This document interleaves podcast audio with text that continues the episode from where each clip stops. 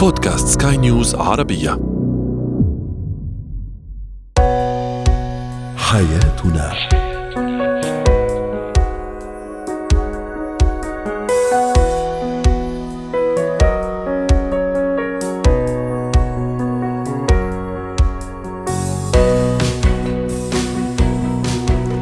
مستمعينا الكرام أهلا بكم معنا إلى حياتنا. فضاؤكم اليومي الذي يعنى بشؤون الأسرة وباقي الشؤون الحياتية الأخرى والذي يمكنكم الاستماع إليه عبر منصة سكاي نيوز عربية dot com slash podcast وباقي منصات سكاي نيوز العربية الأخرى. شاركونا عبر رقم الواتساب 00971 561 886223 معي أنا آمال شاب. اليوم نتحدث عن الزوجة المتسلطة. كيف نتعامل مع هذا النوع من الزوجات؟ أيضا كيف نحمي الطفل من التنمر المدرسي؟ وأخيرا الشخصية المتمردة في بيئة العمل. هو وهي.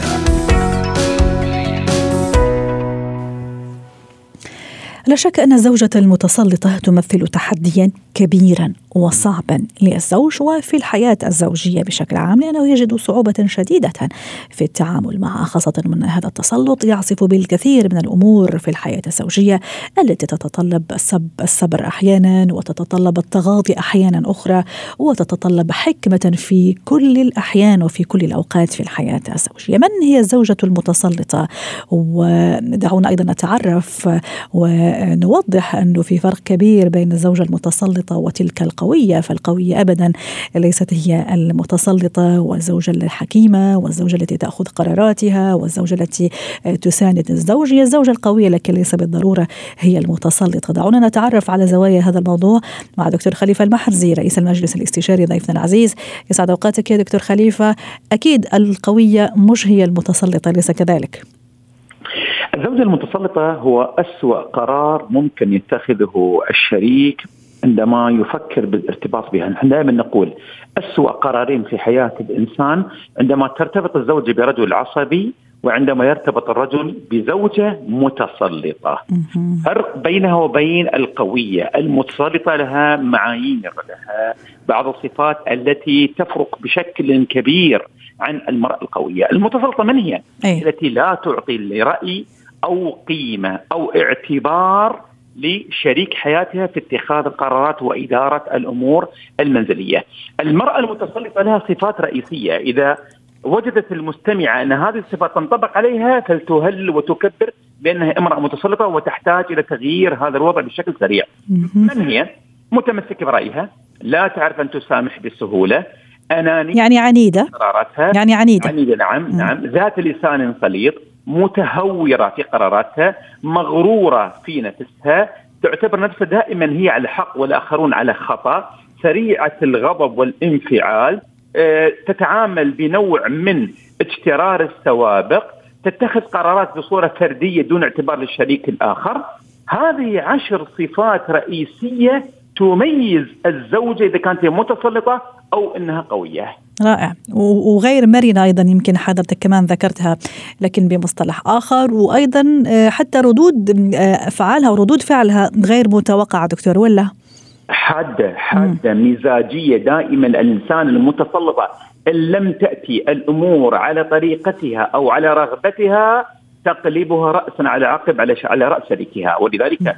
المرأة المتسلطة صعبة في الإدارة التربوية. في الإدارة المنزلية في الإدارة أها. الزوجية في الإدارة العاطفية. شخصية لا تطاق كشريكة ممكن يستمر معها الرجل. بس مسكينة وأنت عم تحكي صراحة يعني نعم هي هذا الطباع يعني لا تطاق يعني مش أي شخص ممكن يتحمل هذا هذا الشخصية. المتسلطة. لكن في جانب من الجوانب ممكن الواحد يعني يتعاطف معها إذا حاولنا كمان نرجع للطفولة للمنشأ لسبب هذا التسلط وهذا النزعة التسلطية أو السلطوية سميها ما شئت اللي موجودة في هذا ال- ال- الزوجة اللي أكيد كانت فتاة وكانت شابة وكانت بنت حتى وصلت لهذا الشخصية. إيش رأيك دكتور؟ ما الذي أوصلها لهذا ال- الطباع ولهذا الشخصية؟ لدينا دراسة عن صفات المرأة المتسلطة وكيفية وكيفية النشوء وجدنا أن 63.4% من الزوجات المتسلطات تعود إلى فترة الطفولة ومحاكاة من تتوقعين محاكاة أمها. الأم أم. في طريقة صح. إدارة المنزل إلى جانب أصلا مبدأ التسلط هي صفة ذكورية جميع تصرفات البشر صفات أنثوية وصفات ذكورية صح. التسلط واتخاذ القرارات هي عبارة عن محاكاة لصورة ذهنية سابقة وجدتها عند والدتها ثم هي تجارت مع هذه الصورة اعتقدت بأن هذه الطريقة المثلى لإدارة العلاقة وإدارة الآخرين في بيتها. دكتور يمكن حضرتك في البداية لخصت الموضوع ويعني أعطيت من الآخر إنه أصعب قرار ممكن يتخذه الشخص إنه يتزوج مع شخصية أو مع زوجة متسلطة. طيب يعني هذا الصفات اللي ذكرتها حضرتك العشر صفات اللي ذكرناها معقولة ما تظهر في البدايات في أيام الخطوبة حتى الواحد يعرف يأخذ القرار ويتخذ القرار الصحيح ولا لا في النهاية هو هو هو هو خيار يعني لا هي هذا الطباع ما فينا نخفيها في هذا الشخصيات المتسلطة والقرار يرجع لهذا الشخص. جميع تصرفات البشر نسميها الخارطة السلوكية لها مؤشرات، لكن أين المشكلة؟ المشكلة أن الرجل في بداية العلاقة الزوجية يكون مخدرا عاطفيا، فهو ينظر إليها بناحيه العاطفة، لا ينظر إليها بناحيه العقل والمنطق، لذلك يتغاضى يتغافل عن هذه الصفات كثير من العلاقات أنا أقول يا ابني هاي العلاقة غير مستقرة مؤشراتها لا تعطيك الاستقرار لكنه يندفع بدافع الحب والغرام والعشق. بعد الزواج عندما يزول مفعول التخدير العاطفي يتفاجأ بأنه أمام شخصية لم يكن يتوقعها انها ستكون بهذه الطريقة. رائع. والمشكلة أيضا دكتور خليفة وأكيد مشان هيك إحنا اليوم حبينا نلقي الضوء على هالموضوع مع حضرتك يعني شخص متخصص في في في هالمجال تحديدا، يعني إذا كان كمان هو شخصية متسلطة هذه مشكلة كبيرة، هذه طمة كبيرة، يعني هو متسلط مع زوجة متسلطة يعني حرب عالمية ثالثة في البيت، وإذا كمان كان هو شخصية هادئة ولين ومرن كمان مع هذا النوع من الشخصيات ما راح يمشي الحال. طيب كيف أنا أتعامل مع هذه الزوجة المتسلطة الموجودة في البيت واللي هي خلاص يعني بيني وبينها أولاد وأسرة وماشيين في هذا الحياة؟ أول مسألة وهي أهم نقطة نسميها عقدة التفوق الذكوري. التسلط من أين يأتي؟ يأتي من عقدة نفسية مرضية نسميها عقدة التفوق الذكوري. هذا الأصل موجودة عند طاقة الرجال. لكن عندما تتحول إلى الطاقة الأنثوية أصبحت هذه مصيبة. أكبر خطأ وأكبر قرار ممكن يتخذه الإنسان عندما يبدأ يجاريها على تسلطها لأنها سوف تتمادى. لا بد من القيام ببعض الممارسات الأساسية. أول مسألة لا بد من التكلم معها لا بد من مواجهتها لا بد من إيجاد نوع من المسافة العاطفية معها عندما تتخذ قرارات غير مسؤولة. لابد أن الرجل نفسه أن يكون مسؤول عن اتخاذ قراراته بحزم وأنها تكسر في المنزل. لابد أيضا من إيجاد نوع من القرار الجماعي في المنزل. لابد من أيضا من عدم الانجرار أو عدم الوجود في موقف اني أنا خلاص سوف أمشي هذه المرة. لا أسمح لها بإظهار تسلطها خارج بس كمان مش من البداية دكتور ولا بمعنى أنه ما أنتقدها مباشرة ربما أحاول إني أتجنب هذا العناد أحترمها أشاركها في الرأي كزوجه أنا أحكي. ربما حتى مدحها بصفات طيبة لأنه في النهاية كل شخصية يا دكتور كل شخص مننا إلا ما عنده أشياء جوانب إيجابية وجوانب سلبية. ممكن هالجوانب الإيجابية تطغى أي نعم في بعض الشخصيات وفي بعض الشخصيات الجوانب السلبيه البعض يعتقد بأن هذه المجاراة سيقوم بإعادة برمجتها إلى الأفضل لكن النتائج العملية اثبتت العكس تماما. ستقتنع الزوجة المتسلطه بأن هذا الأسلوب هو الأسلوب الأمثل في إدارة الشريك. لذلك إحنا ندعو الرجل خاصة إذا وجد أن الزوجة فيها مؤشرات التسلط لا تجاريها لأن التراجع هنا سيكون جدا صعب لأن سيكون الصدام جدا عالي لأن الشخص المتسلط يجد أنه من الصعوبة أن يتنازل عن هذه الصورة التفوقية م. التي هو أوجدها في بداية الزواج، لذلك التمادي هنا إشكالية والتسامح معها والثناء عليها سيعطيها المز... ستأخذ العزة بالإثم ذلك التراجع سيكون جدا مكلف على الشريك. لابد من بيان أن هذا السلوك مرفوض ولن أقبله من بداية الأمر حتى تبدأ تعيد وتراجع نفسها في أثناء التعامل مع شريكها. شكرا لك دكتور خليفة المحزي رئيس المجلس الاستشاري الأسري ضيفنا العزيز من دبي وأتمنى لك يوم سعيد. زينة اليوم في زينة الحياة نتحدث عن التنمر المدرسي. كيف نواجه هذا التنمر؟ عندما يتعرض له طفل في المدرسة عادة عندما يتعرض لهذا النوع من التنمر نجده يهرب من المدرسة في الصباح الموالي يتحجج بعدم الذهاب لأنه مريض ممكن يبكي بكاء آه، شديد وما إلى ذلك. كيف أحمي طفلي؟ أولا كيف أعرف أن طفلي يتعرض لهذا التنمر المدرسي؟ وكيف أتعامل معه؟ للحديث عن هذا الموضوع رحبوا معي بالخبيرة التربوية نور وليد. يسعد أوقاتك أستاذة نور كان هذا هو موضوعنا اليوم وسؤالنا التفاعلي كيف نحمي الطفل من التنمر المدرسي؟ دعيني استعرض بعض تعليقات السادة المستمعين الذين تفاعلوا بشكل رائع اليوم معنا على هذا السؤال. تعليق يقول الموضوع في غاية الأهمية. شكرا لطرحه وأتمنى من الجميع أمهات وأباء معلمين وإداريي الانتباه وملاحظة كل العلامات والمؤشرات التي تدل على حدوث تنمر. آه، أيضا آه، موضوع آه، آخر أو تعليق عفوا يقول دكتور غيث دائما يشاركنا بتعليقاته هذه المرة شاركنا تجربته أيضا. يقول أنا شخصيا تعرضت للتنمر في الروضة وفي الصفوف التمهيدية أو في الدراسة التمهيدية الأولى على طريقة لفظي لحرف الراء. وكانت تخرج من فمي مضحكة وكنت أضحك مع زملائي لعدم فهمي لمغزى ضحكهم حتى آه، ربما تعرفت على السبب لكن هذا في آه، طبعا أحرجني كثيرا يقول لكن في آه، النهاية زملائي لما تنمروا في طفولتي كان لهم الحق يقول وكانت هذه الرصاصة الأولى في مسيرة التنمر لكن أخذتني إلى عالم الكتب واستهوتني المطالعة منذ ذلك الحين وحتى الآن انتهت مشكلتي مع حرف الراء في أول شهر لكن حب المطالعة بقي إلى سيبقى أبد الدهر كما يقول دكتور غيث. سادة نور كيف أتعرف أو كيف أعرف عفوا أن طفلي يتعرض للتنمر المدرسي؟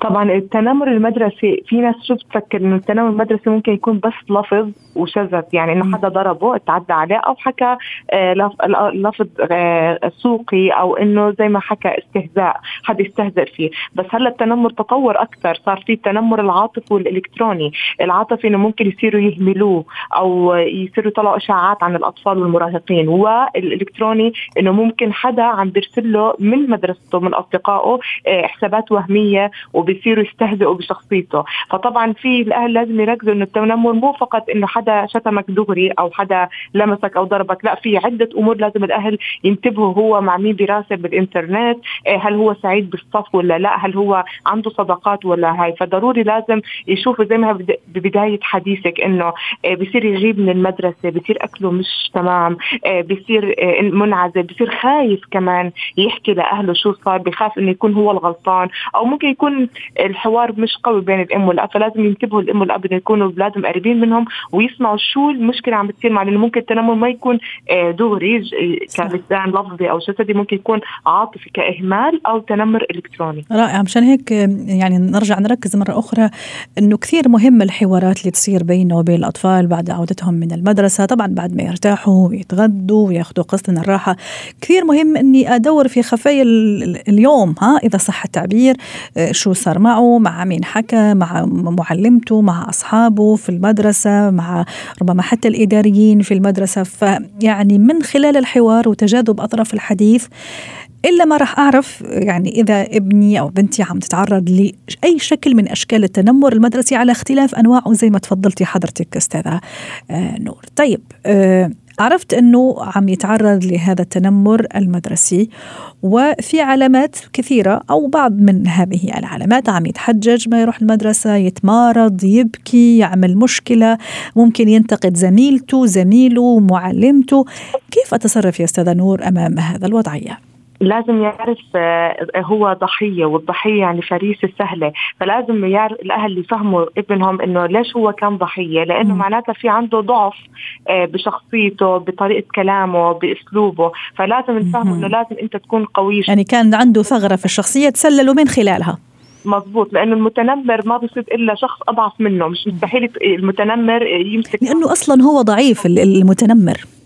المتنمر بيكون عنيف أما الضحية ضعيف. يعني بيختار واحد أضعف منه ليقدر يصب كل آه، طاقته السلبية عليه. فإحنا هون بنسأل آه، وين دور الأهل في تقوية هاي الضحية؟ يعني لازم الأهل يمسكوا الضحية ابنهم أو بنتهم ويفهموهم إيش المشكلة عندهم ليتطور. يعني أنت مش فريسة سهلة لازم نفهمه أول شيء. إذا بدك تلعب رياضة العب رياضة كقوة كدفاع عن النفس الكاراتيه مثلا. وبنفس الوقت إذا بدك تطور من نفسيتك ومن شخصيتك ممكن نوديك بعض التطو... الدورات التطوعية أو التأهيلية. ليقوي من شخصيته ليقدر يدافع عن نفسه لأنه هذا الأثر حيأثر عليه للمدى البعيد. فلازم الأهل يشوفوا مرشد نفسي أو كمان يشوفوا المدرسة. لازم المدرسة تحل هاي المشكلة لازم تعمل زي دورات تثقيفية وأخلاقية ونشر المحبة بين الطلاب. ما مو بس الأهل بس تسعى بالموضوع كمان لازم المدرسة يكون عندها اطلاع وتلاقي حل ليرجع المحبة بين ال... يعني اللي عم بيصير بين المتنمر والضحية. رائع.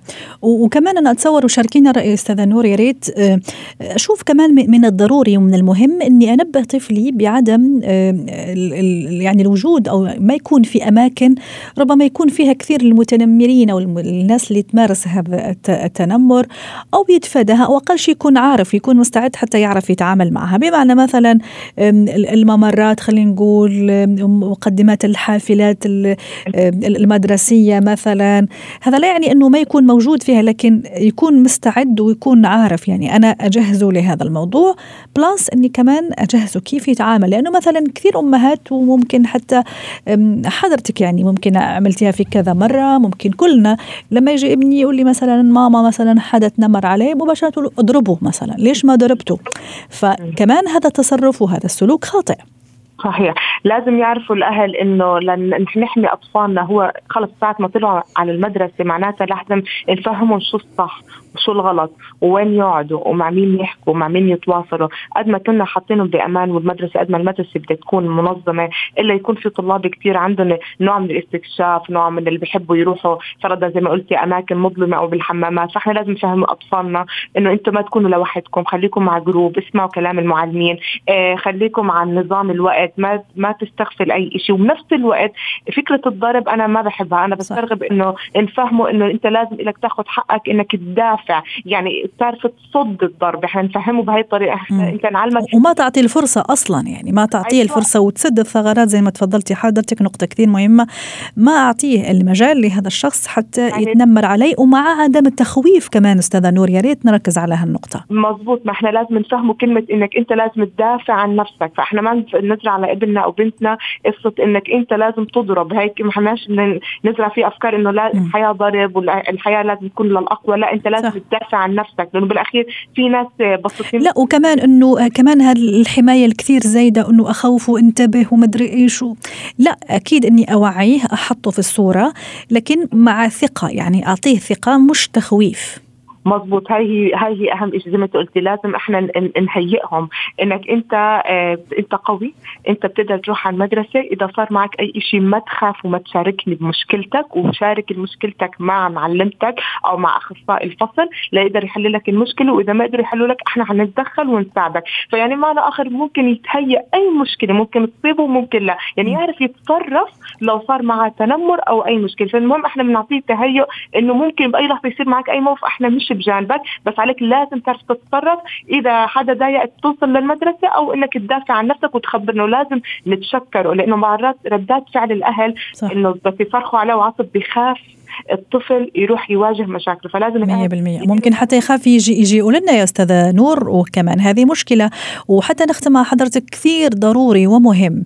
آه كمان في تعليق أنا كثير حبيته وعجبني أرجع يعني أذكره ومنه ننطلق في في فكرتنا ونصيحتنا النهائية إنه كمان كثير يكون تضافر الجهود بين كاباء وأمهات وأولياء أمور وإدارة مدرسة. آه في النهاية يعني هذا محيط الابن اللي يتنقل فيه فكثير يكون التعاون نكون دائما على تواصل آه، هذا الجهات كلها. أنا حابة أقول لك الطفل بيقعد بالمدرسة أكثر من بيته. يعني آه. هو الوقت اليومي عنده بالمدرسة أكثر بتعلم بتعلم منه آه، دراسته بنفس الوقت المشاعر تاعته وعاطفته وأفكاره. فلازم هي تكون البيئة الأنسب إنه نحاول قدر المستطاع زي ما حكيتي ترابط المعلمين مع الأهل كيف يحاولوا إنه يساعدوا أول بأول الطفل إذا كان سواء كان متنمر أو غير متنمر أو ضحية نحاول نحل المشاكل بالتعاون مع بعض ونحاول نحل المشكلة أول بأول. ما يعني لا نرمي اللوم على الأهل ولا نرمي اللوم على المدرسة. لازم يكون في تعاون لنحل هاي المشكلة. لأنها صارت آه، متفرعة. يعني التنمر بطل بس لفظ وبطل بس جسم. أصلا وصلت حتى للمسجات الإلكترونية بين بعض الطلاب بالحسابات والإهمال العاطفي. هذا لحد ذاته كمان يعتبر تنمر إنه أنا اطلع عليك إشاعة. فضروري جدا يكون في توعية في تثقيف في ننبه للطلاب بين بعض. إذا صار أي شيء خبرنا ولازم ننشر ونزرع بيناتهم الحب والترابط. وبنفس الوقت نوعي الأهل إنه أول بأول يتعامل مع أولادهم بلطف ويوعوهم إنه أي شيء مشكله ما يخبوا عليهم أول بأول عشان نحلها مع بعض. شكرا لك أستاذة نور وليد الخبيرة التربوية ضيفتنا العزيزة من أبو ظبي. مهارات الحياة اليوم في مهارات الحياة نتحدث عن شخصية ممكن تقابلنا في بيئة العمل تحديدا. آه، على اعتبار أنه شخصيات الأشخاص تختلف طبعا اللي نتعامل معهم بشكل يومي في علاقاتنا اليومية وفي حياتنا اليومية. اليوم اخترنا شخصية العنيدة. وين؟ في مكان العمل في بيئة العمل. كيف أتعامل مع هذا النوع من الشخصيات؟ للحديث عن هذا الموضوع رحبوا معي بمدربة مهارة حياة الأستاذة نور هشام. يسعد أوقاتك. أستاذة نور أهلا وسهلا فيك. لا شك أنه الشخصيات العنيدة من الشخصيات المتعبة في الحقيقة في التعامل معها. ممكن إذا يوم يومين عادي يعني الأمور تمر. لكن إذا شخصية عنيدة وفي بيئة عمل وفي مكان عمل اللي ممكن الواحد يقضي فيه ساعات طويلة فشوية متعب. في شخص أحيانا عنيد لأنه عنيد كذا فقط يعني خالف تعرف يحب يعاند لا يعاند. كيف أتعامل مع هذا النوع من الشخصيات في بيئة العمل؟ آه مساء الخير عليك يا أهلا جميع المستمعين. أول شيء مثل ما قلتي إنه إحنا في آه وظائفنا أو في أعمالنا دائما إحنا ضمن بنكون ضمن فريق عمل فمن مختلف الشخصيات ومختلف البيئات والخلفيات والثقافات والتخصصات فلا بد إنه أحيانا آه، بتقابلنا بعض الشخصيات اللي بتكون نوعا ما طباعها صعبة. الطباع هاي بتيجي قد تكون من التربية، قد تكون شيء وراثي وقد تكون هو طبع عند هذا الشخص. هلأ الفكرة إنه أنا ما بقدر إني أنا أغير الشخص آه، اللي قدامي إذا هو مش حابب إنه يتغير، صح. هو ضمن الفريق العمل تبعي فبالتالي لابد إني أنا أوجد طرق للتعامل معه. لو حنركز اليوم على الشخصية العنيدة خلينا في البداية نعرف مين هو الشخص اللي إحنا بنقول عنه إنه هو شخصية عنيدة أو شخصية شوي التعامل معها قد يكون صعب. فعليا هو لما يكون في شخص عادة ضمن مجموعة ويتم طرح أي فكرة أو أي اقتراح في هاي المجموعة بما يخص العمل فبتلاقي هذا الشخص دائما لا يتقبل أي وجهة نظر من الآخرين ولا يتقبل أي رأي من الآخرين وفي حال هو طرح أي رأي أو فكرة فهو بالنسبة له لازم رأيه هو اللي يمشي ورأيه هو الأصح واللي في منفعة العمل. وبيعتبر أي عضو آخر من أعضاء الفريق تبعه أو المجموعة تبعته هو عضو سلبي وما بيتقبل منه أي وجهة نظر أخرى. وهذا طبعا في بيئات العمل يعتبر ما بيكون في مصلحة العمل لأنه لابد من تبادل الأفكار وقت ما تكون عم بتحل مشكلة أو عندك مشروع أو بروجكت معين عم تشتغل عليه. طيب أنا لو عندي هاي الشخصية من فريق عملي كيف بدي أتعامل معاها؟ خلاص هي موجودة يعني. أول شيء بعدين هل يختلف الأمر إذا كان هو زميل ولا لا؟ إذا كان كنت مثلا أنا أنا مديره أنا المسؤول عنه كمان في اختلاف في طريقة التعامل. أكيد طبعا. يعني لو كان طيب خلينا نحكي إذا كان زميلي يعني زي زيه في مكان العمل بالضبط. كيف أتصرف معه؟ في النهاية نحن آه، فريق واحد ونعمل لمصلحة هذا هذا العمل ثم ننتقل للشق الثاني لكن نحاول نختصر لأن الوقت عميد أهمنا. أكيد. تفضلي. أول شيء لابد إني أنا أضع معاه حدود في التعامل. إنه هذا تعاملي معك هو فقط فيما يخص العمل وليس فيما يخص أي أمر آخر. م. النقطة الثانية لما أجي أرد عليه فأنا ما أرد عليه بنفس الطريقة اللي هو عم بيتكلم فيها لأنه هيك أنا راح أستفزه. وبنفس الوقت أنا ما بصير إني أنا أتجاهله. فكيف أنا بدي آه، طريقة الرد عليه إني أنا أتعامل معه بشكل طبيعي أتقبله كما هو لا أقوم بإني أنا أستفزه أتقبل رأيه برحابة آه، صدر واتفهم وجهة نظره وأقول له إنه الكلام أو الرأي اللي أنت قلته فيه وجهة نظر وإحنا بناخذه بالاعتبار وأنا بقدر الرأي آه، تبعك. وهيك أنا بخليه يحس بالأمان لما أنا أجي صح. أطرح عليه فكرة أخرى أو أو رأي آخر. خاصة ربما أمام الملأ كمان هذه تشكل له مشكلة وتشكل له تحدي. وأحيانا الشخص نفسه ما بيكون واعي إنه هو عنده هاي المشكلة. هو بفكر حاله إنه هو طبيعي اللي عم بيعمله. آه، بنفس الوقت إني أنا في تعاملي معه ما ما يعني ما أكلمه بنبرة حادة أكون هادي. آه، أكون طبيعي. أختار الكلمات اللي أنا آه، بتحدث فيها معه وما اسخر منه قدام الآخرين مثل ما قلتي أو قدام مجموعة. فما يعني أي فعل قد يثير انفعاله أنا أحاول إني أنا أتجنبه سواء بكلماتي بنبرة صوتي أو حتى بالبودي لانجوج آه، تبعتي. يعني بمعنى آخر ما احسسه إنه إحنا ضمن مواجهة. يعني هو مش بالنهاية مين اللي بده يربح. لأنه أحيانا هو ممكن يطرح فكرة بالفعل صحيح. فيها ونطبقها وحتى إذا ممكن كمان اعتماد الخطة البديلة أستاذة نور كمان يكون من الأشياء المليحه يعني والمعقولة لهذا النوعيات أو هذا النوع من الشخصيات أستاذة حتى واللي بيساعد أكثر إنه في حال كان في مدير في الموضوع فهو يشارك خطة العمل مع فريقه وبالتالي هم كلياتهم شايفين إنه إحنا في عندنا خطة ماشيين عليها، نعم هي خطة مرنة قد يحدث فيها أي تغييرات، ولكن بما إنه في عندنا خطة فهي المرجع اللي بنرجع له، يعني لو رأيه ما كان بالمكان بمحله أنا بقول له إحنا عندنا هاي الخطة اللي المدير مثلا عمل لها الابروفل وبالتالي إحنا ماشيين عليها، فهي طريقة إني أنا أبين له انه وجهة نظره إحنا ممكن هالمرة أو في هذا الموضوع ما ان ناخذ آه، ما ناخذ فيها. آه، لما هو يتحدث أنا عم نختم في في 10 ثواني أستاذة نور. أكيد آه لما يتحدث آه أكون أنا مستمع لكلامه ومش أنا بكون جاهز للرد عليه لا. مم. أنا بسمعه بحسس إني أنا عم بسمعك. صحيح. شكرا لك يا أستاذة نور هشام مدربة مهارات حياة ضيفتنا العزيزة وأتمنى لك يوم سعيد.